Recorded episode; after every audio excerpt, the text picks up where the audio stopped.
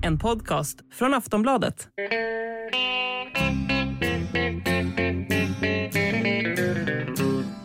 Hello out there, we're on the air. It's hockey night tonight.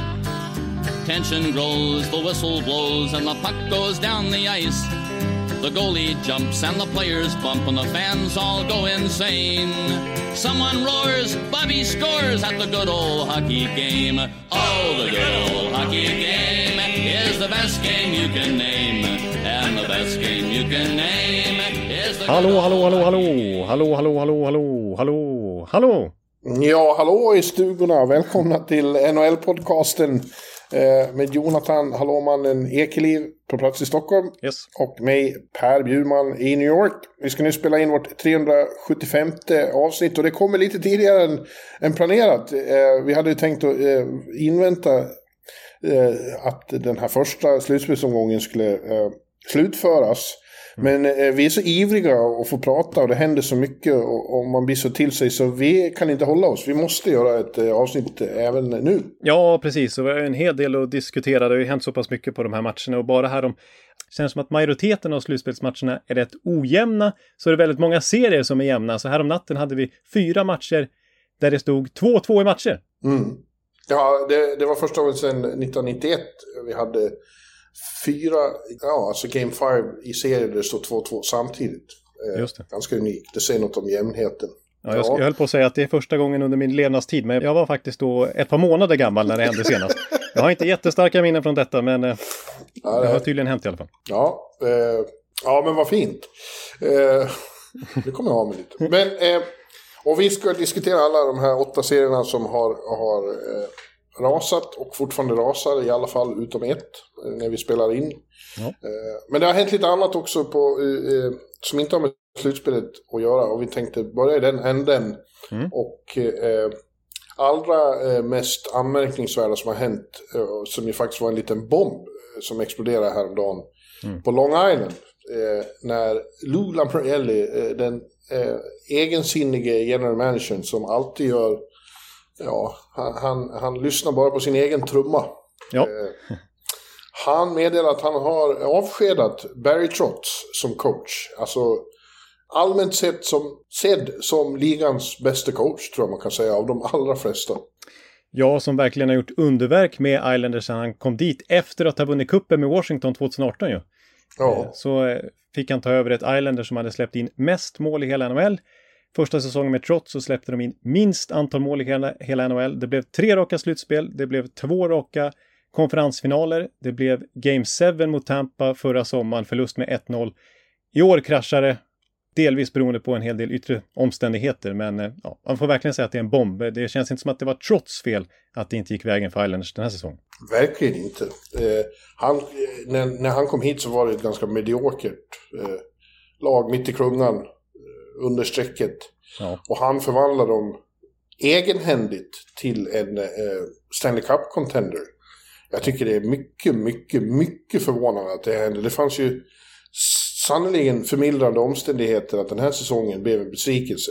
Det, det var det ju. Det är ingen som, som säger något annat än det. De, de skulle ju till final och, och, och skulle vinna och missa slutspelet. Men det berodde ju på att de fick inleda säsongen med 13 raka bortamatcher och, att det till slut eh, eh, ja, det kostade för mycket. Och sen när de väl skulle inviga sin nya fantastiska hemmaarena så slog covid till på ett sätt som...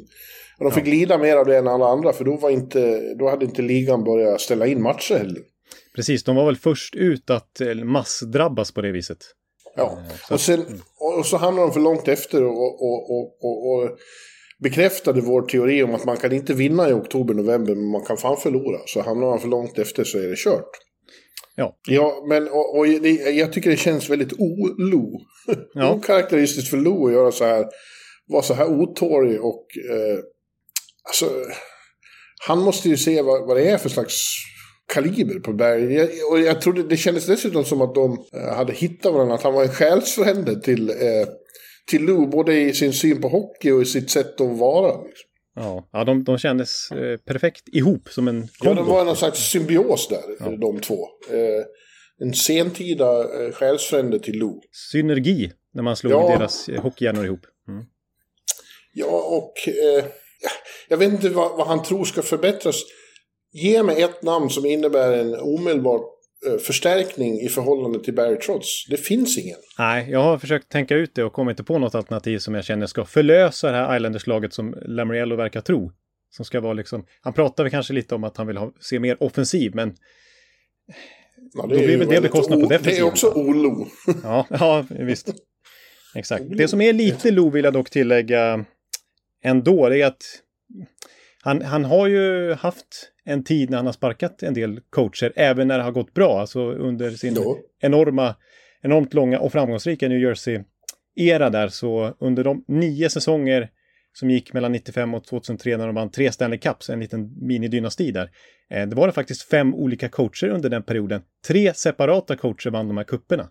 Eh, det var en coach där, Robert Fetorek, som fick sparken ja, någon vecka innan slutspelet, vilket ju var extremt uppmärksammat. Då ledde ja. de ändå östra konferensen. Och sen så kom Larry Robinson in och vann Stanley Cup. Jo, han är ju kompromisslös på det sättet. Och det har ju hänt att han själv har ställt sig i båset när han har sparkat coacher.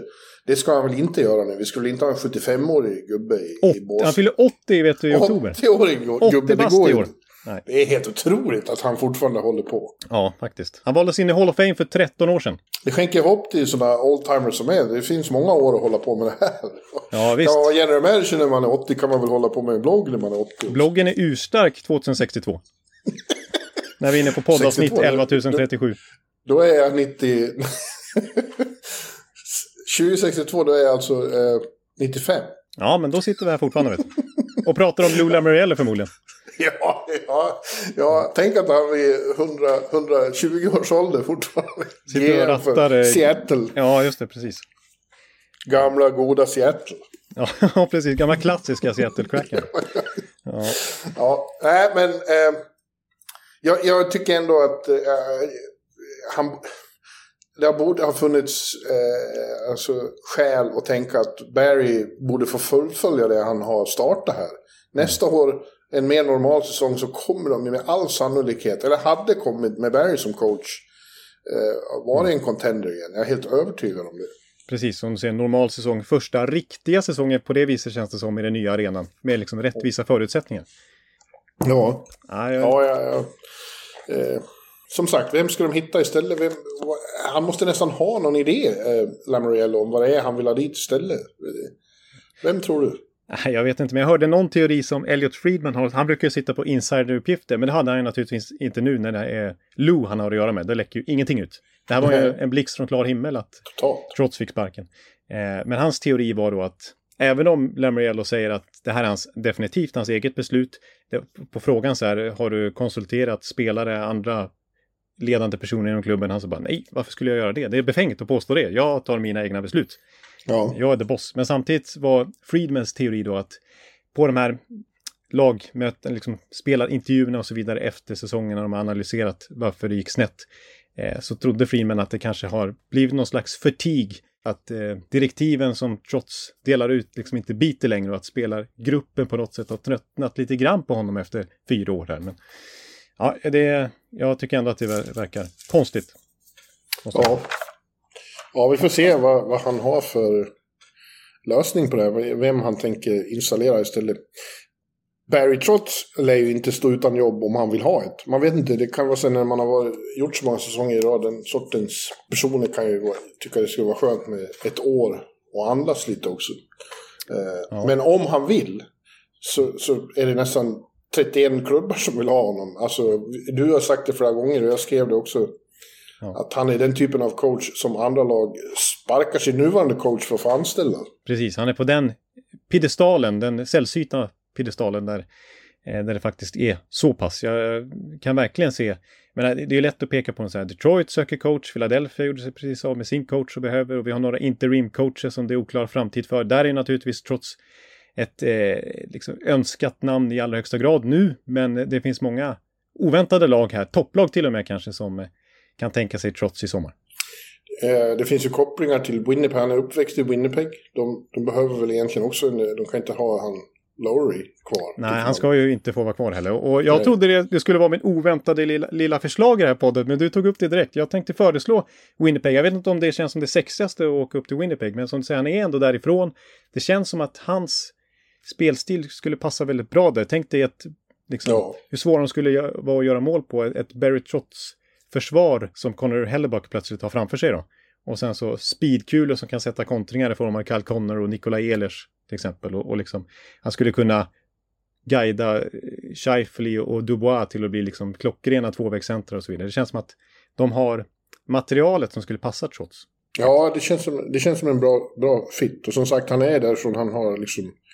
Eh, socialt skulle det inte vara några problem alls för honom att komma dit. Nej, till skillnad från många andra det är, som, som inte har Winnipeg på sin önskelista precis. Men trots det, han har ju ändå, det är där han är, kommer från, är uppväxt. Men det finns väl också, eh, han var i Nashville i 18 år eller vad det var. Eh, ja. Och John Hines kontrakt går ut nu. Eh, en återkomst i Nashville skulle vara, skulle vara spännande. Ja. Ja, det är klart. Men det finns, jag, jag radade upp klubbar där jag kunde se honom och det var ju nästan alla. Liksom. Ja. San Jose, eh, Seattle, eh, eh Vegas om inte DeBoer blir kvar. Vancouver. Det finns ju många, ja. det finns många alternativ. Som, jag tror ju inte Alvin och Rutherford skulle ha något emot Barry. Nej, verkligen inte. Jag kan tänka mig att, eh, att eh, jag menar, nu, vi pratade ju förra veckan mycket om eh, Boudreau-situationen där och att de båda har en eh, klausul att avbryta samarbetet här innan första juni är det väl. Eh, och nu när Trots finns på marknaden alltså, och det finns pengar i Vancouver, att vinna ett budkrig om Trots med. Mm. Ja, visst, han kan få en jävla massa pengar nu också. Ja. Det går ju utanför lönetaket helt och hållet. Ja, exakt. Och även om man hade 4 miljoner nu i Islanders så har vi ju sett coacher som har 6, 7, 8 miljoner som Babcock hade väl. Eh, ja. Så eh, jag menar, han har inte skrivit på sitt riktigt stora kontrakt i coachkarriären än, trots att han har varit så framgångsrik. Han var ju inte speciellt välavlönad. Eh, nu eh, verkligen får man ju ställa det här i relation till andra jobb, men eh, marknadsmässigt sett i Nashville under alla år. Så att, eh, han skulle kunna casha in nu om han vill. Ja, det blir spännande att se vad han tar vägen och vad, vad som händer i Islanders. Det är många... Eh, just Iceman är jag inte så säker på Detroit. Alltså han... Eh, det känns inte som trots riktigt eh, lira med Iceman syn på hockey. Och jag tror dessutom att Iceman hade något... När han sparkade eh, Blashill så mm. tror jag att det fanns ett drama. Eh, han, han har några alternativ som han har tänkt på länge tror jag. Ja, ja, det kan jag se framför mig. Sen, ja, sen undrar jag lite grann över sådana här riktiga offensiva firepower-ställen, liksom. Alltså ett Vegas till exempel, som vill ju vara en mm. verkligen underhållande lag. Ja, eh, ja. Jag menar, Edmonton, Woodcroft har ju trots bara interim-tagg fortfarande. Vi får se hur, hur det här slutspelet slutar för hans och Edmontons del. Eh, men ska liksom McDavid och Dreisaitl ha en trots Nej, det ska de inte. Nej, och Florida Panthers, det är fortfarande bara interimtagg på Andrew Brunette också som är väldigt mm. orutinerad som headcoach. Men ska det offensiva laget ha en trots, samtidigt så släpper de in väldigt mycket mål. Ja, det, ja, det finns många olika typer av lag han kan ta över trots. Jag tycker att han borde ta över ett, eh, han kanske inte är så intresserad av det själv, men ett, ett lag som behöver formas, liksom, eh, ja. som befinner sig i eh, ombyggnadsfas. Ja, som kanske bara har vissa små justeringar så skulle det ganska snabbt kunna ta form. San Jose. San Jose. Ja, jag vet inte. Fast de, de befinner sig i en så konstig situation. Ja, nej, det tror jag inte riktigt på. Nej. nej, jag säger Winnipeg. Jag säger Winnipeg. Ja, ja det, jag håller med. Ottawa. Ottawa, det är ett bra förslag också. Jag, ja. det, det kanske utifrån sett inte låter som att de har någon kanonsituation. Men nej, det finns ganska mycket spännande på gång Absolut. i Ottawa, eh, måste jag säga. Så att, eh, det behövs kanske inte så många touches kvar där för att... Men det, det är just att de känns fortfarande väldigt inhabila. Både på isen och utanför. Och med trots liksom stabilitet. Kanske precis mm. det de behöver. Ja. ja, men du, vi går vidare. Igår, eh, eh, tisdag hade vi ju då eh, draftlotteriet. Eh, som du tycker är så... Det är ju ett lotteri. Det är, och visserligen avgörs ju en del där då. Vem, vem som ta den givna ettan. Och i år har vi en given, eh, ett givet första val igen, eller hur? I precis, Sean, eh, Shane Wright. Mm. Shane Wright, ja. Ja, precis. Eh, som ju för några år sedan så var det nästan så här generational talent-stämpel på honom. Att det är nästan en ny Conor McDavid, Austin Matthews first rounder som kommer väljas 2022. Men ah, det har väl klingat av lite och den här säsongen har med de parallellerna inte varit så imponerande från Shane Wright, men han är ändå solklar etta. Han är väl liksom på nivå med typ Lafreniere, Jack Hughes och så vidare i hype. Mm. Eh, och eh, ja, det de, är där, lite... eh, de där Mac, McDavid, eh, Matthews eh, karaktärer, de kommer inte ofta. Alltså. Och det är ju klart, det kan inte vara så, de är ju unik, unikt talangfulla. Ja. ja, det var ju extremt här, de drafterna liksom när, när även Line och Eichel och så vidare, Mm. länge liksom, alltså det, det var flera som hade kunnat väljas först Ja. eh, ett år. Så. Men själva lotteriet, alltså man, det är ju ett lotteri på tv, det är inte, det är inte världens liksom, mest spännande show.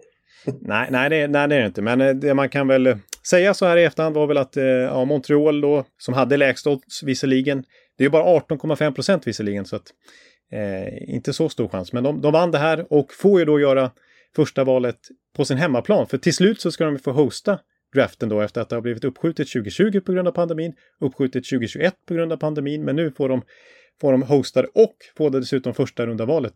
Första, Ja. första valet ska jag säga. Det är vackert. Och det är första gången på otroligt länge de har det. Ja, det är sedan 1980 tror jag. Ja. Eh, Så det är ju speciellt. Ja, de, de har ju, vi får se hur, hur bra Shane Wright blir, men de har ju verkligen chansen nu efter alla dessa år där de har sökt med ljus och lykta efter den första center att bygga kring. Eh, Egentligen hela 2000-talet skulle jag vilja säga. Eh, visst, nu har ju Nick Suzuki kommit in där och gjort det väldigt bra, men tänk dig en one-two punch med honom och Shane Wright. Inom några år kan det se riktigt starkt ut. Ja. Ja, de är ju i, i, i, precis i lindan av en, en rejäl rebuild. Men om de gör det rätt så börjar de få riktigt fina beståndsdelar. De har ju Cole Caulfield också, det är ju en stor talang. Exakt, så det känns ganska sexigt nu, Montreal. Eh. Ja, nej, men det, det, de har, det är ganska... Framförallt offensivt efter att ha varit ett sånt liksom Brendan Gallagher-lag så länge. Philip Danault liksom Ja, alltså, brunka ja. sig framåt till att bli ett... Ja, jag höll på att säga Florida-typ av lag istället. Eller Tampa med San Luis som coach, liksom den stilen. Ja. Nu springer du långt eh, framåt. Ja, nu, nu, nu springer jag framåt här. Men det, är- det, ja, det är roligt lag i alla fall. Devils eh, fick Det då... kan komma att bli, ska vi säga. Ja, det, det, det är rätt uttryckt snarare. Eh, Devils då är vissa fans lite sura här på att de har haft tur i draftlotteriet har några år. De fick eh, första valet 2017, 2019 och nu får de andra valet flyttas upp Mm. från femte till andra. Och, Och dessutom hade de ett fjärde här i fjol, eller då när den andra Hughes också blev plockad. just det, Luke Hughes. Ja, just det. Mm. Han hade det.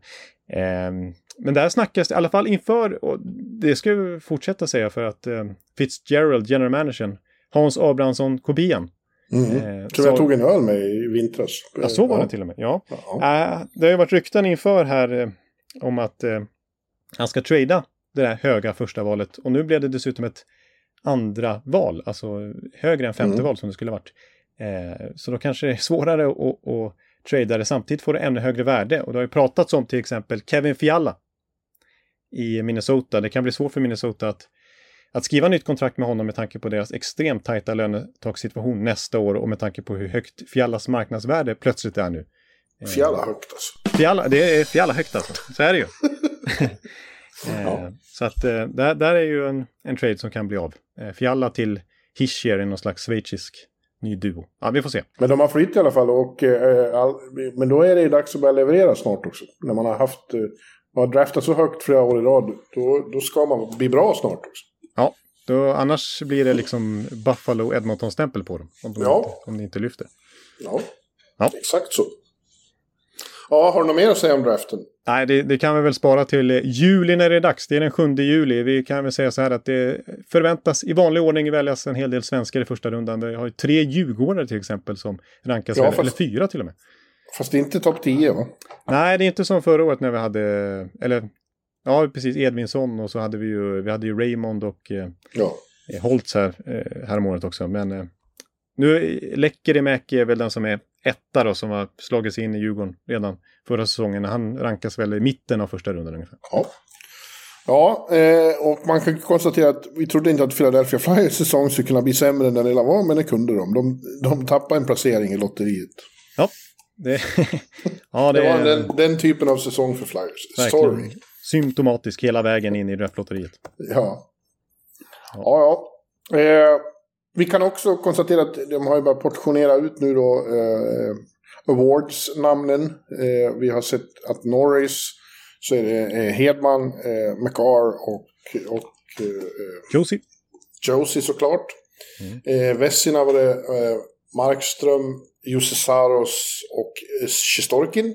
Ja. Och idag kom då Calder och det var en lite besvikelse för Sverige då att Lucas Raymond inte hör till de tre nominerade utan det blir Bunting i Toronto förstås för att det är så många som röstar i Toronto. Eh, ja. och, och, så var det eh, Moritz Sider och, och eh, Trevor Segras. Ja, precis. Och det, ja, det känns väl ändå rätt så rimligt men det är lite, jag tycker har varit lite, det är ju alltid lite recency bias i de här också. De som ja. varit bättre andra halvan av säsongen. Jag kommer ihåg för jag menar, i höstas kändes det som att Lucas Raymond sprang iväg med den här Calder Trophy-trofén. Ja. Eh, ledde ju rookie-poängligan med typ 10 poäng ett tag. Eh, och jag kommer ihåg, var det inte så att när Filip, nu backar jag väldigt långt bak i tiden, men Filip Forsberg kändes supergiven att vinna Calder Trophy sin första säsong och sen tror jag kanske han inte ens blev nominerad på slutet.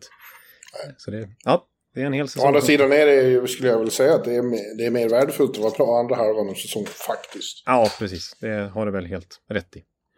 Eh, Ja, ja eh, Norris nominerade var helt givna. Det är de, de tre hade jag högst också. Vessina får inte få vara med och, och, och rösta om. Det är ju general manager som utser det. Jag trodde möjligen att Andersen skulle vara inblandad där. Men eh, det, inga, det blir inga gatlopp på grund av det här.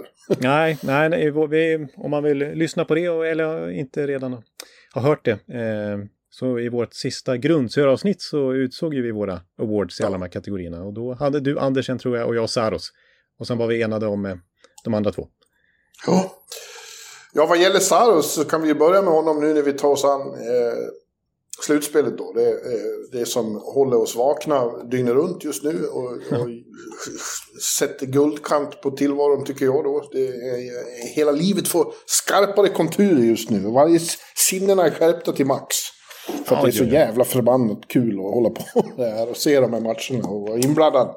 Ja. ja. Eh, men Saros är en bra punkt att börja på för att eh, hans värde för Nashville blev ju väldigt tydligt i serien mot Colorado som tog slut häromdagen. Eh, för att eh, det blev så att Avalanche svepte Predators och eh, en anledning, en stor anledning var ju att Saros kunde inte spela någon av matcherna. Han skadades i grundserien och eh, då var det verkligen morsning och goodbye. Ja, precis. För att eh, Rittich slängde sig in först, kastade in puckar och fick lämna direkt. Och så blev det då tredje keeping Connor Ingram som väl gjorde det okej okay efter förutsättningarna. Men det, det ja. märktes att de, att de inte hade tryggheten som Saros inger. Vi pratade om det innan också, att han stod 67 grundseriematcher. Flest av samtliga. Snacka om att vara liksom solklar sista utpost och den, den man har allt förtroende för. Ja. De hade inte slagit i Colorado med honom heller, men de kanske hade kunnat undvika den här lite förödmjukande sweepen i alla fall. Ja, alltså det, det var sån överkörning så att när Filip Forsberg ändå satte 3-2 i tredje perioden av den sista fjärde matchen där så, så um, var det första gången de hade ledningen i hela serien och den fick de behålla i några minuter. Sen hade Colorado vänt och så var matchserien slut. Ja. ja. Colorado var mycket, mycket bättre och vinner helt välförtjänt. Jag, jag, tycker att uh, Nashville ska ha cred att de ändå försökte. De slet hårt, men uh, det var helt enkelt klasskillnad. Mm. Och, och jag får lov att säga, jag kommer tillbaka till hela tiden, sista grundseriematchen, när, de åker, när Nashville åker till Arizona. Tar ledningen med 3-0 och vinner de den matchen, då får de möta Calgary istället. Men de lyckas kollapsa fullständigt, få stryk och ställs mot Avalanche. Och eh, inte för att jag tror att de hade slagit ut Calgary heller, men återigen, de hade nog sluppit, slupp det här. Ja, ja det, det... Det blev som eh, Calgary-coachen Daryl Sutter sa, det, det är wildcard-lag som får möta Colorado. Det är åtta bortkastade dagar för dem. Och det var, det ja, det var det verkligen. De hade helst undgått där eh, än att ens vara med om det. Ja, ja nästan så. Men eh, ja, det är ingen, och, och, och Colorado när de spelar, när de närmar sig sin fulla potential. Det är fruktansvärt vad bra de är. Och eh, allra mest har väl Cale McCarr imponerat backen. Han är ju en av de hetaste Conn Smythe-kandidaterna för första omgången.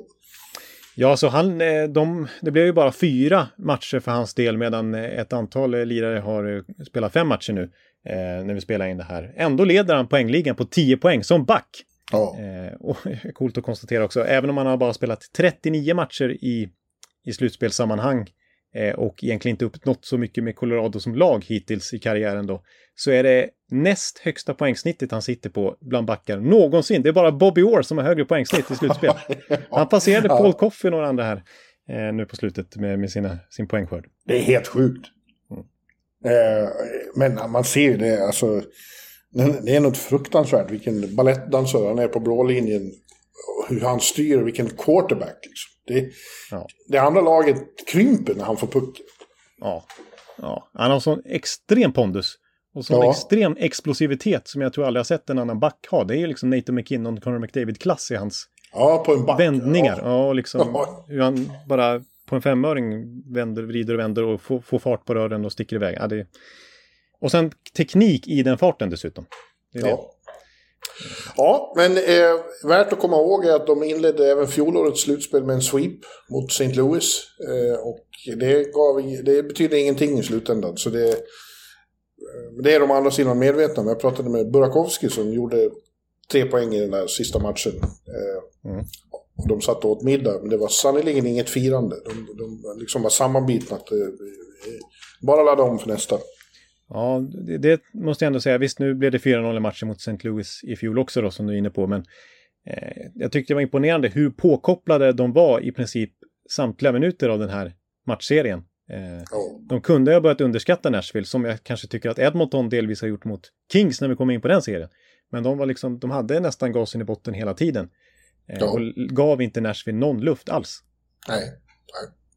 Nej. Ja, vi får se. Vi får återkomma till vad som kommer hända med Nashville. Men de har många, de har många beslut att ta i sommar. Filip och om coachen. Och, eh, ja, jag tycker personligen att det är dags att skaffa en ny general manager. Eftersom han har varit där i 100 år nu. På, han är ju 270. ja, ja, han är gammal också. Ja, han är lite yngre än vad jag trodde. Han är bara inom citationstecken 72. Ja. Eh, jag hade gissat på 105. Eh, ja. Men eh, jag håller med om det där. Det, de har ju lite luddig ägarstruktur där med 16 personer som, ja. som formar någon ja, slags... Ja, jag läste just en artikel om det och de låter på för alla beslut. Liksom. De lägger sig inte i. Nej, alltså men, hans, eh, hans, menar, normalt sett har ju Jerry Managers så här kontrakt, men där, han har ju någon slags automatisk förnyelse av sitt kontrakt konstant. Det är ingen som riktigt ja. vet hur hans Nej. kontrakt han, han är liksom gudfader. Ja, och eh, de befinner sig inte i någon särskilt bra situation. Det är inte en massa prospects på väg upp och så. Eh, de är lite eh, i, i, liksom i limbo, Nashville. Man vet inte var de ska ta vägen. Nej, vad, de, vad, det finns för, vad, vad, det finns för visioner för framtiden. Nej, precis. Och samtidigt har de ju då en back som nästan gör 100 poäng den här gångna säsongen. Mest i hela kappen i alla fall i Roma Josi. Både Forsberg och Duchene gör över 40 mål. Eh, ja, men Saros, visst. Vessina det här var en positiv överraskning säsong på det sättet. Men eh, det är svårt att se ändå vad de ska ta vägen som lag. Ja, ja jag, jag håller med. Vi får prata med Nashville i sommar. Ja, det gör vi. Ja. Det gör vi. Nu går vi in på de matcher som, eller serier som då var igår, till att börja med. Eh, mm. Där det var, som sagt, för första gången en unik kväll med fyra Game 5-matcher som stod 2-2. Och det är alltid... Eh, det är lite konstigt med de där två när det står 2-2. Eh, mm. Det är som att serierna hamnar vid ett vägskäl som jag kallar det i, i, i bloggen. Mm. Eh, ofta är det så att den som vinner Game 5 vinner hela serien. Eh, ja. Men det är inte garanterat. Men det känns ändå som, ja, det blir ju liksom situationen inför, inför slutet klarnar ju eh, efter den här matchen. Så kan vi beskriva det. Ja, jag har för mig att du skrev i bloggen här om natten att det är 75% av Game 5-vinnarna vinner serien. Ja. Mm. Det är jag långt ifrån säker på i alla de här serierna att det verkligen blir så. Ja, ja. Eh, om vi tar till exempel Boston, eller Carolina-Boston, och det här har varit en mycket besynnerlig serie där hemmaplansfördelen har varit extremt viktig. Det börjar med att Carolina vann klart i två matcher mm. i, i PNC Arena. Och sen kom de till tidig Garden, då, då vann Boston lika klart två gånger om. Och så återvände de då till PNC igår. Och då är det 5-1 till Carolina igen och Boston är inte ens i närheten. Nej, nej. Nej, väldigt konstigt. Jag håller med dig där. Förra veckan när vi spelade in senast så hade det varit två matcher i Carolina och då var det de här stora segrarna för, för Kane så vi trodde att den här serien kanske blir relativt kort. Ja. Lindholm hade precis blivit skadad också och har ju inte spelat sedan dess. Och, ah, det kändes som att... Ja, sen förlorade de ju plötsligt Charlie McAvoy också till covid eh, i en match då. Det var helt enkelt utan sitt första backpar. Det är inte många som överlever utan. Eh, men de vann ju då också. Ja, det var konstigt och, och hela den... Eh den eh, covid-situationen där kring Torrey Krug tycker jag är lite besynnerlig då. Inte Torrey Krug, Charlie Nej, McAvoy. förlåt, Torrey, Torrey Krug. Nu, nu hoppar jag till en helt annan serie. Ja, En bluesback, gammal Boston i alla fall. Ja, men Charlie McAvoy, alltså eh, att han hade covid, testade positivt, hade känt sig sjuk. Och så finns det ju massa regler kring det där att man ska, även om man testar eh, negativt sen så måste man, man vara asymptomatisk i fem dagar och så vidare. Men så helt plötsligt var han tillbaka redan i nästa match. Jag fick inte Ja, riktigt det- att hänga ihop, men eh, Nej, inte jag heller. Det var mycket underligt. De flög honom i, i privatjet igår eh, till Raleigh. Ja. Eh, Det känns som det hela ligan bluffar lite med det där. Jag tror inte det... Ja. Det stämmer, det går inte ihop. Nej, nej, precis. Men generellt sett med Boston så tycker jag att det är lite de här eh, som vi återkommer till argumenten eh, år efter år. Att eh, det är the perfection line som bär Boston. Eh, Mm. De är ju med i absoluta poängliga-toppen igen nu. Framförallt Brad Marchand som gjorde fem poäng i den där matchen som McAvoy var borta när de vann ändå. Ja. Eh, men eh, nej, ha lite strul med att an- få andra spelare att producera och Taylor Hall är till exempel minus sju i den här matchen hittills. Ja, och det är ju såklart att Hampus som de trailade till sig för just det här att han är skadad. Det är såklart kännbart. Eh, Och så har det varit, de började med Linus Ullmark och så var det två matcher med Swayman och då var han ju väldigt bra då i TD Garden. Men eh, inte så bra igår igen då. Eh, det är ju lite svajigt när man inte känner att man har liksom en given eh, målvakt att rida liksom, i, genom serien. Nej. Men Samtidigt så har då eh, liksom Carolina fått hatta lite mellan Ranta och Korsetko. Ja. Nu är det ju Ranta som var bra här om, här om natten, men det känns inte som att målvaktsspelet har varit avgörande hittills i den här serien. Och jag, jag, jag tycker Carolina har varit bättre och den match fyran där när Martian gjorde fem poäng och de vann utan McAvoy som jag pratat om nu. Det, där tyckte jag faktiskt Carolina var bättre också den matchen. De hade väl ledningen. Eh, sen i andra perioden så fick de in en märklig kvittering där, Boston, Jake DeBrusk. Eh, det var Alltså jag har nästan aldrig sett eh, Rod Brindamore vara så högröd.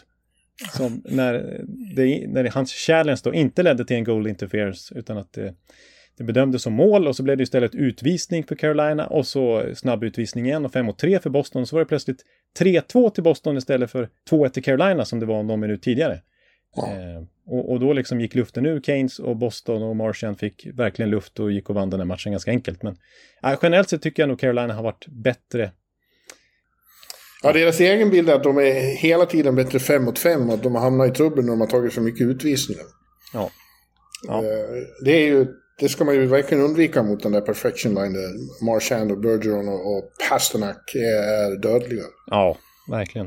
Eh, ja, nej men jag... Men du tror nu att det blir att Carolina avgör imorgon då? Ja, jag tycker nog att de... Alltså, samtidigt så är det svårt att räkna bort den där the perfection line. Det kan ju räcka med dem för att vinna en, en matchserie ändå. Eh, men jag tycker Carolinas bredd imponerar. Elva olika målskyttar hittills. Det lutar åt Carolina och kanske gör det redan imorgon. Men mitt tips är ändå att det blir en Game 7 och då å andra sidan vinner Hurricanes klart igen. Ja, jag tycker det är ett starkare lag, det måste jag ändå säga. Även om en, den där superkedjan fortsätter att vara eh, en av ligans absolut största attraktioner. Du, du tror på Carolina? Ja, Ja. men ja, man tror ju på Carolina in the end, men tror du på dem imorgon? Ja, jag skulle säga 55-45 till Boston Ja. imorgon och sen eh, 85-15 till Carolina in Game 7. Ja. Ja. Ja. ja, då är vi överens. Ja. Ja, sen har vi då eh, den stora östserien, den som eh, ådrar sig mest uppmärksamhet. Och det är ju då Toronto-Tampa. Eh, det har blivit väldigt intressant. Eh, det är verkligen varannan match där eh, som de vinner. Har det varit hittills. Det är Ja. ett steg fram och ett steg bak för båda två. Eh, och och eh, jag tycker det var, och den var särskilt intressant igår då. För tidigare har det varit så att laget som har vunnit har varit eh, distinkt bättre än det som har förlorat. Eh, eh, de som har förlorat har gjort dåliga matcher när de har förlorat fram till igår. Ja. Men igår var det mer jämnt. Eh, Tampa var inte dåliga, de slog väl av på takten lite grann. Men de började ju väldigt bra, tog ledningen med 2-0 och kände som oj oj oj. Ja, då trodde man ju att det här kanske serien... Eh, Ja. nu, nu, nu, nu faller det för Toronto. Mm. Ja, men sen kommer de tillbaka efter första perioden och gör sin bästa, sina bästa två perioder i hela serien. Jag tycker Tampa fortsätter, som sagt de, de hamnar lite på hälarna men det är inte så att de klappade ihop på något vis. Det var ju en väldigt jämn och otroligt rolig och sevärd match. Men det var ju imponerande att se hur, hur plötsligt eh, Toronto exploderade. Och att ledande spelare tog för sig och var involverade. Det gäller ju inte minst William Nylander som fick kritik efter fjärde matchen för att han hade varit så blek då. Han gjorde, i delar av matchen igår, var det bästa jag har sett William Nylander i NHL. Ja, han dominerade stundtals faktiskt i den andra perioden där jag tyckte att Toronto överlag sköljde över Tampa på ett sätt, måste jag ändå säga, sista 10-5 minuterna av andra perioden på ett sätt som inget annat lag har gjort de senaste åren. Ja, men eh, och, och se liksom Ville gå rakt på mål liksom. O, uh, nu stormar fram liksom så här. Och sen backchecka som en galning och är med och, och river och sliter i sargerna. Då, då, vet man att då är jävla han engagerad. Ja, precis. För det var ju exakt det han fick kritik för att han inte gjorde i matchen innan i Game 4 där när, när det stod 5-0 till Tampa och jag kommer ihåg en situation när de dumpar ner den och William Nylander var såklart först på pucken i sarghörnet. Såg att han skulle få en tackling av backen, jag kommer inte ihåg vilken back det var som kom. Eh, Serenak tror jag det var. Eh, och valde att, nej, äh, jag tar inte pucken utan eh, för att då blir jag tacklad och så kunde bara Cernak ta pucken. Och det ja. fick han ju mycket skit för. Men snacka om statement i, i matchen därpå. För ja, det är som du säger, det var, dels var han väldigt så som Nylander är, alltså snirklig och liksom bra med pucken mm. och, och liksom finurliga lösningar. Men så var det också just det att han tog sig in på mål, rakt på mål, gång efter gång. Helt orädd. Ja, ja. Ja, eh, det var imponerande. Jag var ju i Tampa då på tredje och fjärde matchen. I, i den heliga staden som du kallar det. Det fortsätter jag att kalla den. Ja. Det gjorde gott för, för själen. Synnerhet som jag lyckades få lördagskvällen fri och satt i, i, i, i Tiki-baren och såg eh, hockey de sena matcherna där. Ja, just det. Oj, gud, oj, oj. gud, gud vad ljuvligt det var. Ja, jag, jag säger usch bara för att jag blir så jaloux. Ja, där, där skulle du ha suttit. Gud, vad du hade njutit. Ja. Eh, men där var det ju två, som sagt, väsensskilda matcher. Men det kändes som i Game 4 då när, när, när Tampa verkligen tog över att nu, nu har de börjat hitta mästerskaps... Eh, ådran igen. Och eh, så såg det ut i början igår också, men, men det här kommer att bli en, en, en jäkla serie. Nu kan ju då Toronto slå ut Tampa imorgon. Ja. Men, men eh, vi har ju det här faktumet att Tampa aldrig förlorar två matcher i rad i slutspelet. Sen 2020 så har de alltså 16-0 i matcher efter en förlust. Ja. Det är ett mag magiskt eh, facit. Å andra sidan så säger det ju också att de gör det aldrig lätt för sig. För de förlorar ju de där 16 matcherna också. Ja. Ja, precis. Och det som är lite skillnad nu, även om eh, Vasilevski fortsätter att hålla i den där sviten så tycker jag inte han har varit så bra i den här serien. Visst, det är ett väldigt potent Toronto han möter offensivt då, men eh, han har ju släppt in då minst tre mål är det väl i samtliga matcher. Det har inte hänt sedan hans första år i NHL i ett slutspel. Eh, och kollar man på mina underliggande siffror då, jag brukar ju prata om goal saved above average. Eh, och då är han faktiskt den målvakt som har släppt in flest mål sett till vad han borde ha släppt in. Han har släppt, alltså sett i underliggande siffror så borde han ha släppt in fyra mål färre. Och det är mm. sämst av alla målvakter faktiskt. Det är ju väldigt oväntat när vi pratar Andrei Vasilevski. Ja, det vill inte Cooper höra talas om. Han börjar ju fräsa och fnysa. Toronto Media framförallt eh, hävdade att Campbell har varit bättre. Ja. Eh, det gillar han inte. Nej, nej, precis. Men han måste verkligen steppa upp. Det har varit några puckar som har slunkit rakt igenom honom och det är man inte van att se. Och det har demoraliserat Tampa på ett sätt de inte är vana att behöva bli. Eh. Å andra sidan är det väl också så, eh, hans facit i, i de riktigt stora matcherna är ju också enormt senaste åren. Precis, alltså alla clinching, nu är det inte en clinching game, eh, game 6, men det är i alla fall en sån de kan bli utslagna, en elimination game. Och ja, han har i alla fall clinching games har han alltså hållit nollan i fem raka matcher. Så att, ja, vi får se. Det, det, här är en besvärlig situation. Det var länge sedan de hade två matchbollar mot sig. Ja. I fjol så var det ju de själva som hade läge att avgöra mot Islanders i Game 6. Ja. Och förlora i second overtime. Eh, eller hur? Mm. Var det så? Mm. På Long Island. Men sen åkte de hem och vann med 1-0 som de brukar göra när det blir Game 7. Ja, det brukar bli 1-0. Det var ju även så ja. mot... Eh, ja, eller i alla ja, fall i Series inte Game 7, men det är avgörande. Ja, ja, precis. Ja. Mitt, mitt tips är att Tampa vinner imorgon på Amali. För att de vi, vi, har ju också, Torontos historia, de vill ju inte att man ska påminna om den, men, men det är ju omöjligt att inte göra det. De har haft slagläge förr och verkligen fumlat bort det. Ja, de har så sent som förra året hade de ju ja. tre raka matchbollar de fumlade bort mot Montreal. Ja, ja och, och de försöker, och delvis känns det väl som att det är sant att det är ett annat lag nu, att de har lärt sig av, av sina heartbreaks. Men eh, när det kommer till kritan så bli, kan det bli nervöst igen. Och eh, jag tror ju att eh, Tampa vinner imorgon och sen är det eh, up for grabs i Game 7. Mm. Eh, typiskt med att prata lite underliggande siffror igen, men jag måste bara konstatera att eh, Anthony Cirelli, som ju jag tror kan bli nominerad till Selke Trophy, han har fått en hel del röster, verkar det som, nu här eh, till det priset som bästa defensiva forward. När han eh, matchas mot Matthews och Marner, som de mycket tydligare kan göra i Tampa när de har sista byte, då har den kedjan haft ganska svårt. Jag tror de har faktiskt bara gjort ett mål mot Cirelli på hela serien. Eh, mm. Så att det, det, är en fördel eh, i match 6 är att Tampa har sista bytet och kan sätta Cirelli mot dem. Och, Verkligen. Ja, då blir det svårare för Toronto. Ja, men sen är det de som har hemmaplansfördel i Game 7. Det är det man spelar för i grundserien. Vi får se. Usch. Ja, sen har vi då eh, Minnesota St. Louis. Det trodde jag att Minnesota hade kopplat greppet när de eh, vann första bortamatchen mot St. Louis och skaffade sig 2-1-ledning i serien.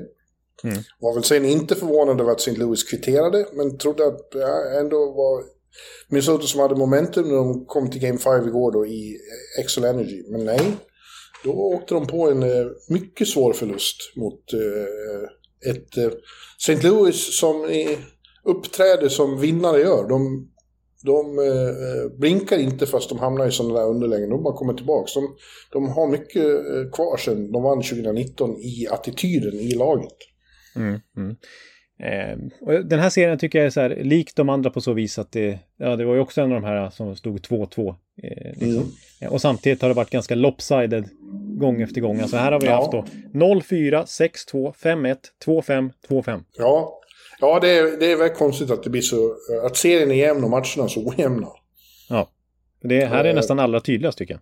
Ja, och man kliar sig lite i huvudet över det också, för det känns som matcherna borde vara jämnare. De, de känns jämnstarka lagen. Eh, men det är uppenbarligen den, den som sätter tonen från början i de här matcherna vinner, och vinner stort. Ja. ja. Och vi som eh, hyllade Jose, Jose Saros, höll jag på att säga, Ville Husso. Eh, mm. Efter hans start höll ju nollan i första matchen och har ju konkurrerat ut Binnington den här säsongen. Men nu har Binnington fått kommit in, kommit in och då har det blivit två raka segrar och matchboll för St. Louis här. Det är faktiskt hans Eh, det är faktiskt hans första segrar sen 2019 när de vann titeln. För att de har ju varit i slutspel två gånger sen däremellan, men då har han inte han lyckats vinna någon match. Men, eh, det besvärliga för Minnesota, mycket besvärligare än för Tampa, är att de hamnar i 2-3 underläge och har en bortamatch eh, i Game 6. Eh, och nu inte har löst Binnington. Och eh, Minnesota har ju faktiskt också en historia. De har inte tagit sig, trots att de ju faktiskt hela tiden satsar på att vinna, de är ute efter att vinna Stanley Cup. Ja, Med sina satsningar år efter år. De, nu har de inte tagit sig förbi första rundan sedan 2015 ändå. Nej, precis. Och aldrig varit i konferensfinal. Nej. Att, eh, ja, precis. Men, men och samtidigt vill jag lägga till då att i den här serien så har, vi, har det varit fler bortasegrar än hemmasegrar. Ja, ja det är ju i och för sig också eh, eh, food for thought, som de säger. Ja, för de kämpar ju så mycket om att få den där hemmaplansfördelen, vet du. Ja, det, exakt. Det, det trodde vi skulle bli så avgörande. Jag tror ju, ja, vad som kan tala för uh, Minnesota igår att i början av, av slutspelet så var Joel Eriksson Ek var ju bästa svensk tyckte jag i, i konkurrens med Victor Hedman då. Det, mm. det, är något med honom i de allra viktigaste matcherna. Han blir som pappa Klas. Uh, ja. Han får något i blicken. Jag har ju kallat honom den värmländska vargen i det här slutspelet. Och det är något vargliknande över honom. Hur han biter ihop och gör sina absolut bästa matcher när det verkligen krävs. Ja, jag kommer ihåg i förra avsnittet här så, så pratade vi en hel del om honom och jag sa att han är som stöpt för slutspel jag med.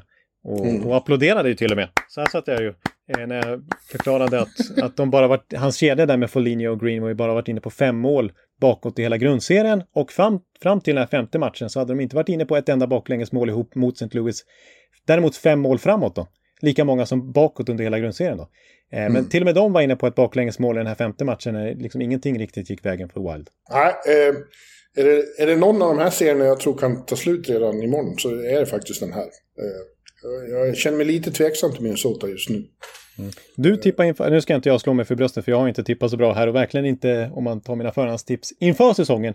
Men jag har ju sagt St. Louis i match 6 och du har sagt Minnesota i match 7 så vi får se vem som får rätt då. Ja, en, ja, och det är inte säkert att jag Nej. får rätt bara för att det blir Game 7. Nej, det är sant. Men jag får lite mer rätt. eh, Ja, ja. Mm. Spännande. Alltså morgondagen blir ju överhuvudtaget spännande. Vi har ju för fan fyra, fyra e- elimination games då. Eh, Ja.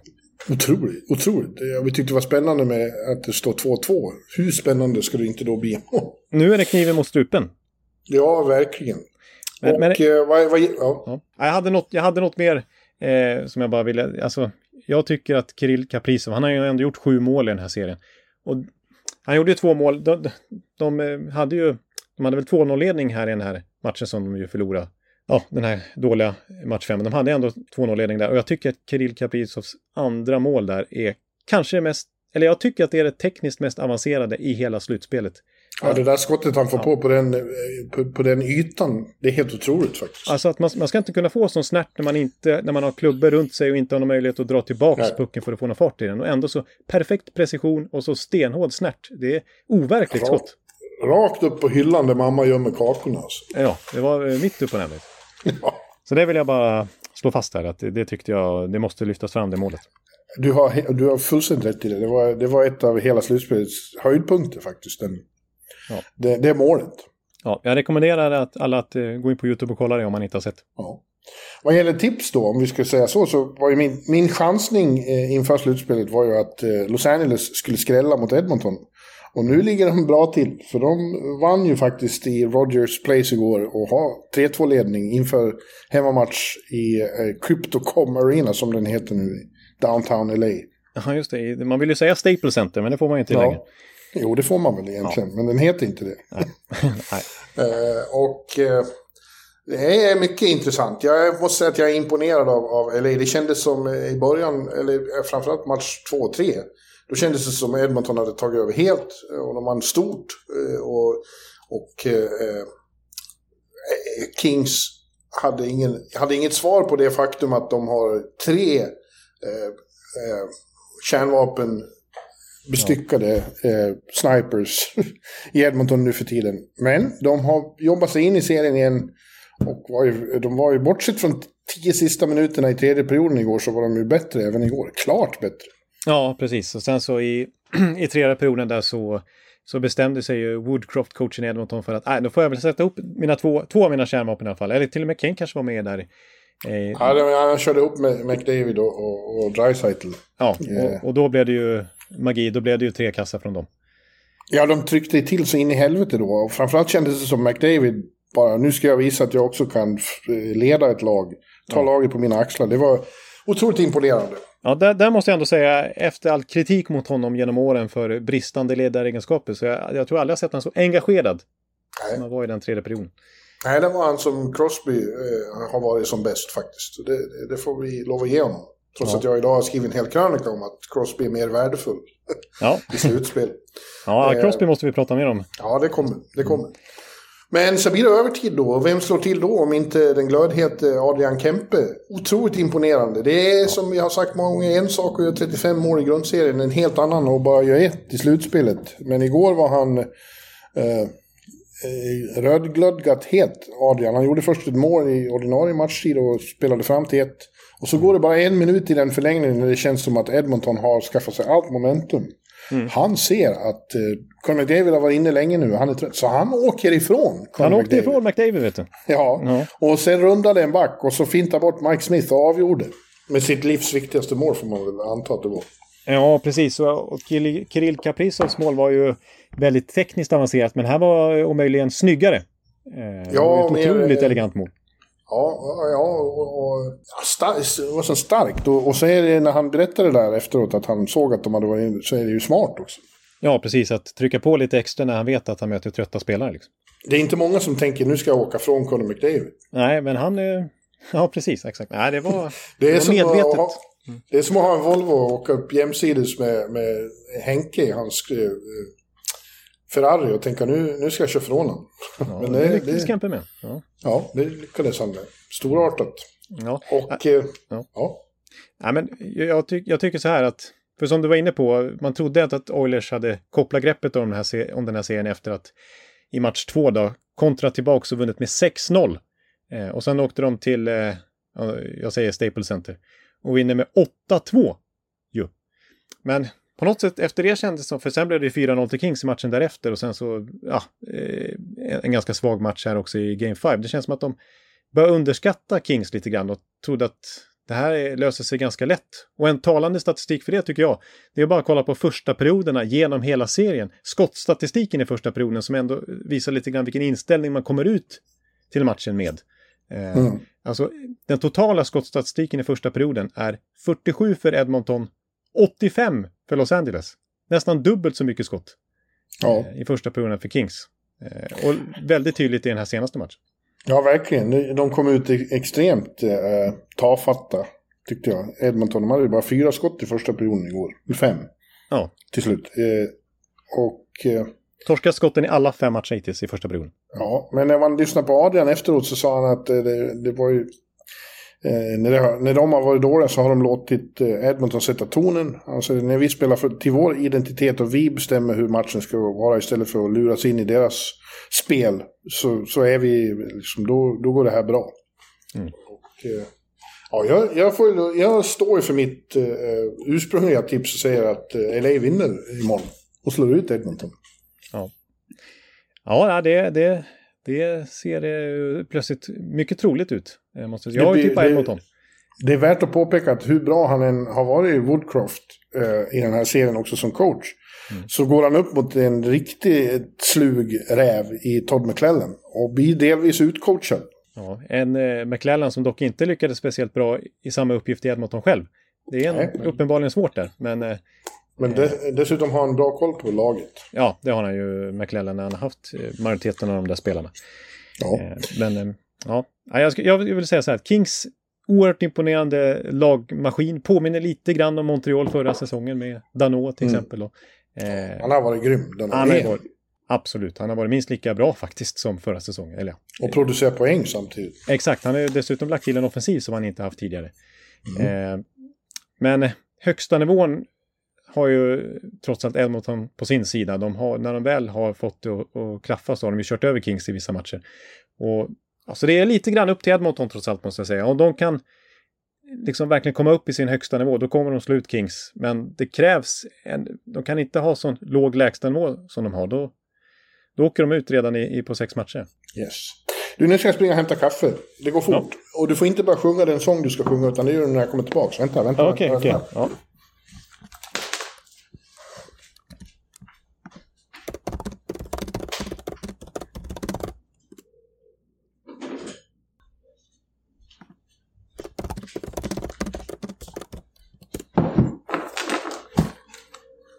Vad gjorde du nu då?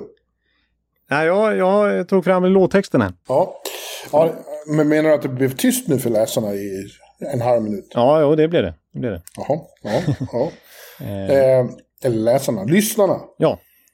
Jo, det var ju så här igår då inför, eh, inför de här Game 5 så eh, fick jag för mig att citera Kim Larsen och Gasoline. Stort dansk akt på 70-talet. De, du har ju såklart inte hört talas om dem förut. Jo, ja, ja det har alltså, jag faktiskt. Du, du har ju rätt att underskatta. Ja, du, du, det, det, har du ju rätt att göra, men just i det här fallet så, så, så har jag koll. Ja, de var ju så stora så de sålde ut Gröna Lund och Hovet och så på, på slutet av 70-talet. Ja, hur som helst. Jag använde deras Vad gör vi nu lille vän? Eller vad gör vi nu lille vän?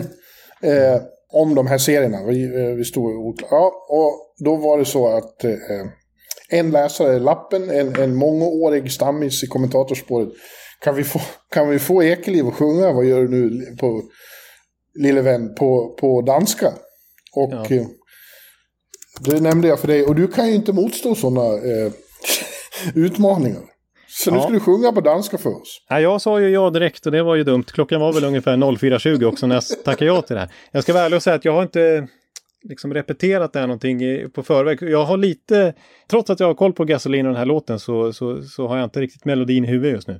Eh, men eh, jag kan åtminstone... Nu, nu, nu, nu, nu, nu. Jag kom till världen på, på femte sal... Nej, det var helt fel melodi. Va? Försök, kör! Min... På dina, hitta på en egen melodi. Ja, jag hittar på, jag hittar på en egen melodi. Jag kan i alla fall eh, den lilla minirefrängen. Ja. Jag kom till världen på femte sal. Min far var tosse, min mor var normal. Men där körde han väck, sägde min mor till mig. Vad gör vi nu? Lille du. Lille ja, det du. var uselt. Det var, det var, jag, jag satte inte ens refrängen nu. Ja. Ja, Ja, det var det mest tondöva jag har hört.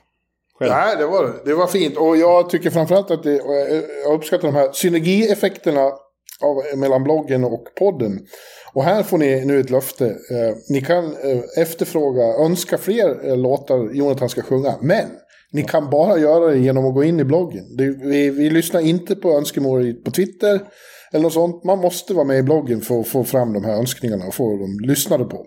Ja, okej. Ja. Ja, och jag lovar jag ska repetera. Alltså, här, jag är besviken på mig själv här nu. Jag ska, nästa gång, då ska jag sätta det. Då ska jag ändå komma upp i 3 plus.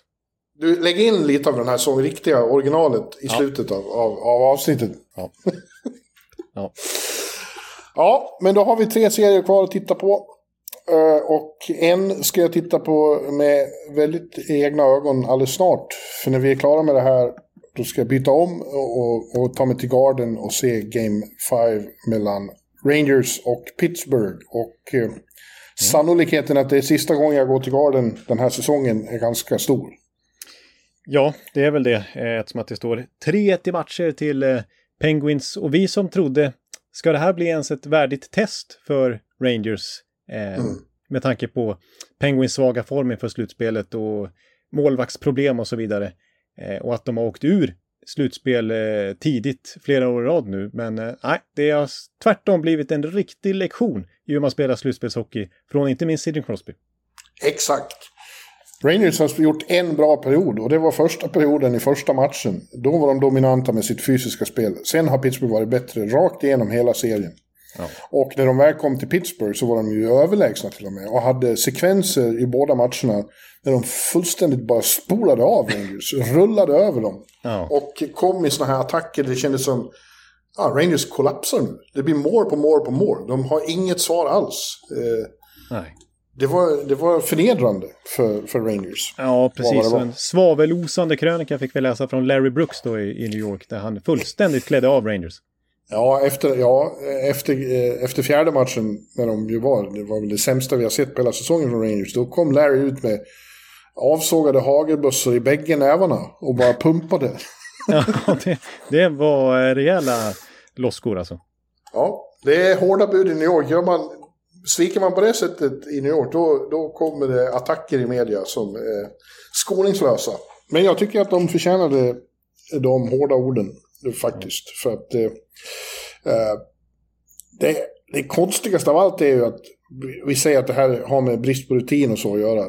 De enda, de enda som har visat något som helst eh, som positiva tecken är de yngsta. Den ungdomskedjan med Lafreniere, Hytil och Capocaco. De var bäst i båda matcherna i Pittsburgh. Ja. Medan de, de som ska stå för rutin och erfarenhet i laget var riktigt otroligt bleka. Ja, verkligen. Det, det är konstigt. Och dessutom då, inför matcherna i Pittsburgh så tänkte man att en, en stor fördel för Rangers måste i alla fall vara att det är målvaktsmatchen. Eh, Sjestjorkin som ju, även när Rangers har spelat dåligt under säsongen så har han räddat dem att kunna vinna matcher åt Rangers ändå. Eh, och så möter han Louis Domingue då som, ja, som ett eh, tredjehands panikval här för Penguins att slänga in. Och nej, Sjestjorkin har ju blivit utbytt i båda matcherna och på ett väldigt okaraktäristiskt vis. Även om det inte är hans eh, fel att de har blivit liksom förlorat så i, i första hand så har han ju släppt in väldigt många med hans mått mätt billiga mål. Journeymannen Domingue eh, vinner målvaktsmatchen mot Storken. Ja, det är helt otroligt. Men det har ju också varit så att eh, Storken får skylla sig lite själv. För att i, i andra matchen då, eh, i slutet av den så höll han på med dumheter här på, på, på garden. Han kolliderade med Jeff Carter var det väl. Just Och det. eh, låtsades i princip vara död och låg. Det såg ut som att nu har han spelat färdigt för säsongen. Men så fort Carter blev utvisad så var han pigg, pigg och kry igen och spelade vidare. Det där väckte en sjujävla vrede i Pittsburgh och när han kom dit så fick han ju... Han, han eh, blev grundligt utbuad eh, hånad hela matchen. Och det var ju helt uppenbart att han inte var redo för det. Han, han har aldrig upplevt förut och varit helt shaky av, av Ja. att vara, vara i centrum på det sättet. Klarade inte av det alls, framförallt inte i första matchen då. Eh, Nej, inte i andra det- matchen heller tyckte jag när, när jag började rinna. nej. Mm. Nej, och, och det är så här med P- PPG Paints Arena är underskattad eh, vad det gäller sånt. När, när de får vittring där i Pittsburgh, mm. då är det ett fruktansvärt tryck inne där. Det hör ja. man inte så lite om. Man hör lite för lite om det helt enkelt. Men eh, det är en jävligt svår arena att spela i då. Ja, det var, Men det, var, alltså, det, här är ju vad, det här är ju vad erfarenhet är. Har man inte den erfarenheten så, så skulle du och jag skulle ju ramla genom isen om någon höll på så med oss. Och han har inte varit med om, om, om det förut. Så det här är ju lär, läropengar för storken. Ja, alltså skulle, skulle 18 000 pers då skrika Ekan, Ekan. ja. jag, skulle, jag skulle kissa på mig. Alltså jag skulle, ja. jag skulle ställa till en scen på isen, göra bort mig. Jag skulle bli liksom... Ja, det skulle sändas på varenda kanal heller på det. Ja, jag skulle storma rakt ut i omklädningsrummet och vägra komma ut igen. Ja, precis. och sen gå i, i lösskägg på, på vägen ja, hem. Ja. ja. Eh, samtidigt är det jävligt dåligt av Rangers att inte utmana eh, Doming mer. Han har ju haft lätta matcher. Ja, nej, precis. Det är inte som att han har behövt storspela precis, utan han har, han har haft det ganska bekvämt. Ja, och eh, samtidigt så eh, det är inte bara Rangers som har varit dåliga. Pittsburgh har varit väldigt bra också, som du nämnde där. Crosby, för mig är han Conn Smythe-vinnare ihop med Cale McCarr efter första rundan. Eh, det är som att han är tio år yngre än Crosby. Och jag blir så otroligt imponerad av att se honom. Ja, jag håller verkligen med dig om det och jag tyckte Dominic Moore, gamla Rangers-spelaren, eh, gammal Tampa-spelare dessutom, va? Eh, som nu numera är expert på ESPN, sa eh, ett bra uttryck om Crosby, att han är eh, the most skilled grinder. Ja. För att det som är lite speciellt med Crosby jämfört med till exempel McDavid och dagens ska säga, moderna spelartyper är att han lever ju inte riktigt på speeden och inte ens när han var the Kid så var han någon, liksom känns som någon riktig speedkula. Utan det har alltid varit smartness. Ja. Eh, som och att han, han, han är nästan bättre ju fler klubbor och ju gyttjigare spel det blir. Alltså han, han ja. klarar verkligen av trånga situationer. Eh, ja. ja. han är ju, alltså han har ju hela repertoaren. Han har ju också skills som är imponerande. Ja. Men han har också det andra, han är liksom briljant i spelet utan puck. Ja. Han kan värdera risker på ett bättre sätt än många av de yngre, känns det som. Mm. Han hamnar ju aldrig i situationer där han är liksom, det blir nöd på något vis. För att han har gjort, begått ett misstag. Jag tycker nästan han är den spelare som alla, det är en klyscha, men den spelare som allra tydligast exemplifierar det här med att kunna vara ett steg eller två steg eller tre skär eller hur man nu vill uttrycka det före i, i tanken ja, hela tiden. Ja. Och kunna läsa hur spelet kommer bli liksom hela tiden. Så att det, ja, han har som full kontroll. Ja, och så samtidigt är han så engagerad. Man ser att det betyder så mycket från varje byte. Han, han, han jobbar stenhårt och sätter ju ett exempel för alla andra med det. Det är också en gammal klyscha. Men ja. alltså, ingen i det där laget kan ju ta ett, ett byte off när, när, när Crosby aldrig gör det. Nej, nej precis. Samtidigt så här, det, det, passar inte riktigt just nu att slänga in, men jag vill ändå nämna då att, för det är också, nu, nu kommer det kanske en sjätte klyscha här då. Att, att eh, man brukar säga så här, never bet against Sidney Crosby. Liksom. Mm. Det, det, måste man ha lärt sig. Liksom. Men samtidigt så här, nu, nu, nu har det gått, ja det är fem år sedan 2017 eh, när de vann kuppen och sedan dess har de bara vunnit en slutspelsrunda Pittsburgh. Ja. Det har liksom inte lett någon vart sedan dess. Men, men eh, så, har visst gått att betta mot Sidney Crosby. Men, men nu, ser han, nu är han så där Conn Smythe bra som han var både 16 och 17. Ja, ja, vi får se vad det leder till när de möter mer avancerat motstånd det är ju mycket möjligt att det är så att, att eh, han har blomstrat för att eh, det har varit så lätt att spela mot Rangers. Mm. Vi får se nu då i, ikväll. Det är, jag, jag, jag blir inte minst förvånad om Pittsburgh vinner igen. Men vinner Rangers och samlar ihop sig till en Game 6 i Pittsburgh på, på fredag då så... Ja, ja. Det är, som det har sett ut hittills så är det väldigt svårt att tro att Rangers ska vända på det här. Ja, och det här är en ganska naiv historisk referens för att det är ett helt annat, en helt annan Rangers-upplaga nu. Eh, men eh, de har ju vänt 1-3 underläge mot Pittsburgh och Sidney Crosby tidigare. 2014 när de gick till final till slut, Rangers, så låg de i 1-3 underläge mot Pittsburgh och vände och vann med 4-3. Ja, ja. Så det har hänt åtminstone.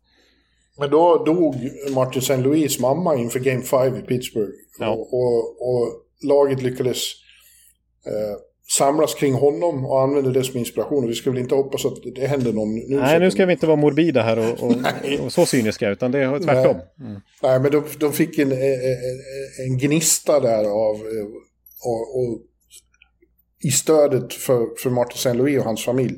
Ja. Det är väldigt annorlunda situationer, skulle jag vilja påstå. Då, då låg de under med 3-1 inför Game 5 som var i Pittsburgh.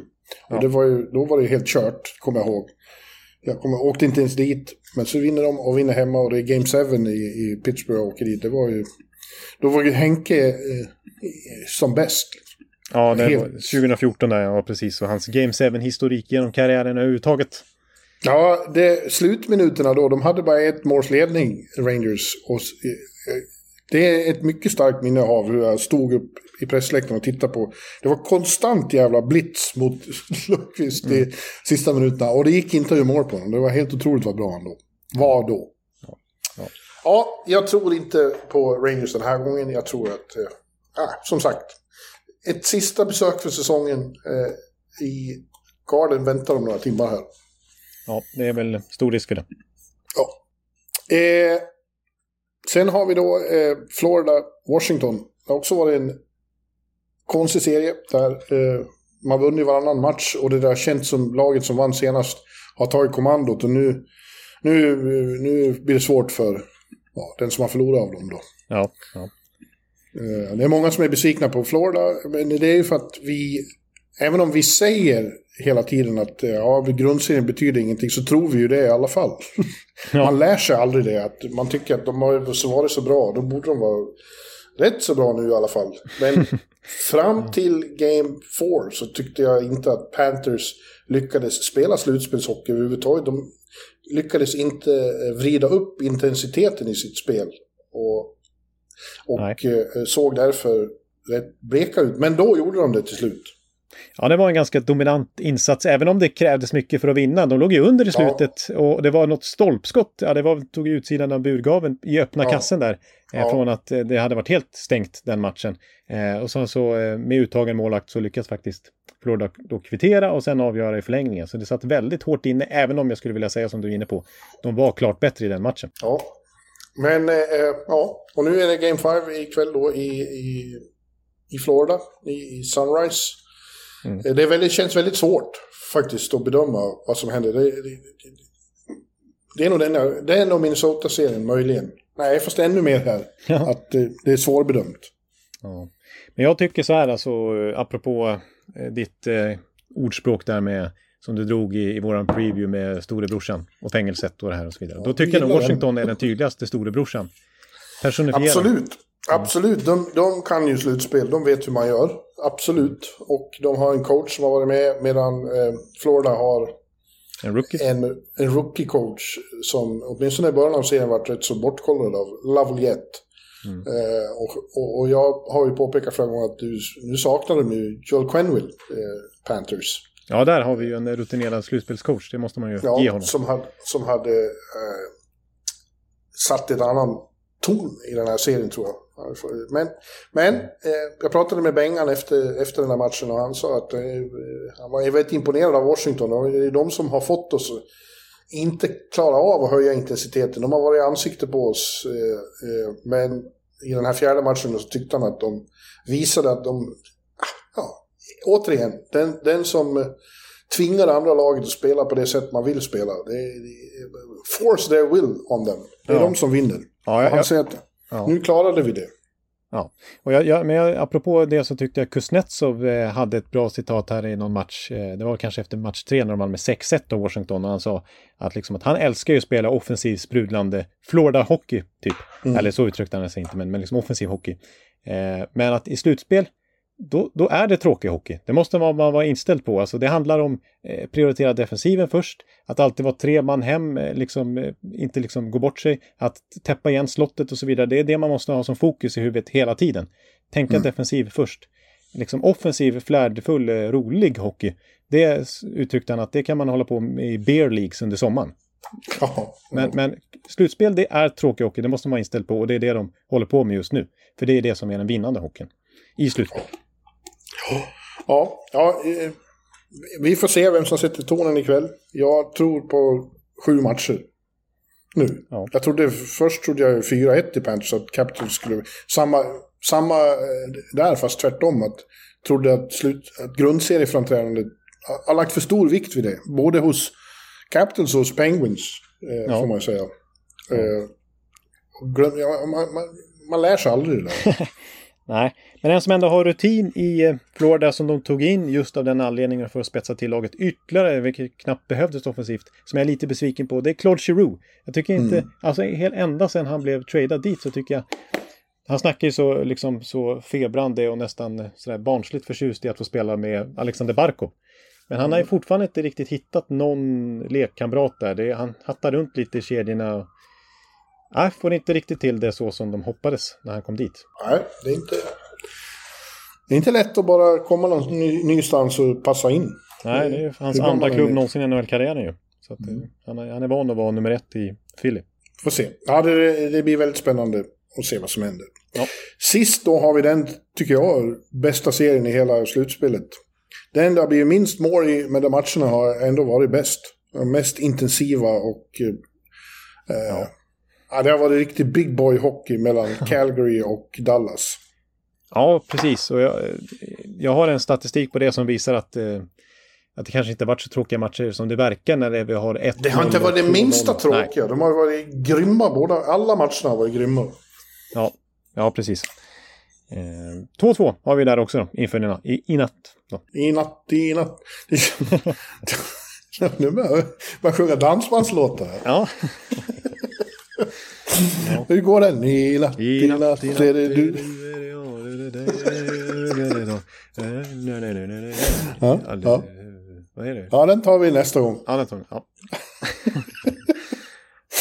Eh, ja, nu kommer jag av mig lite. Eh, ja, det kändes som Dallas hade tagit initiativ när de vann första hemmamatchen i American Airlines Center.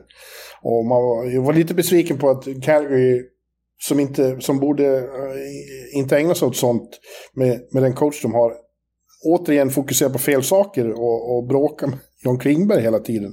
Vilket Ja. är helt poänglöst. Eh, och fick, men, men de kom tillbaka och gjorde en rykande bra match i Game 4. Elias Lindholm sa till mig efteråt att vi spelar så bra som vi kan. Vi var på absolut, eh, vi, vi nådde maximal potential i den matchen. Ja, det är ju stora ord. Och just Elias Lindholm tycker jag har varit lite den big game player ändå som, som Daryl Sutter utnämnde honom till tidigare under säsongen. Eh, alltså, han har gjort tre mål i den här serien och det har, varit, det har ju bara gjorts sju mål vardera av respektive lag, så han har en väldigt hög procentandel Ja. av målen. Och det har varit typ identiska mål. Han är ju expert på att stå där i slottet och bara panga in direktskott. Ja, ja grymt.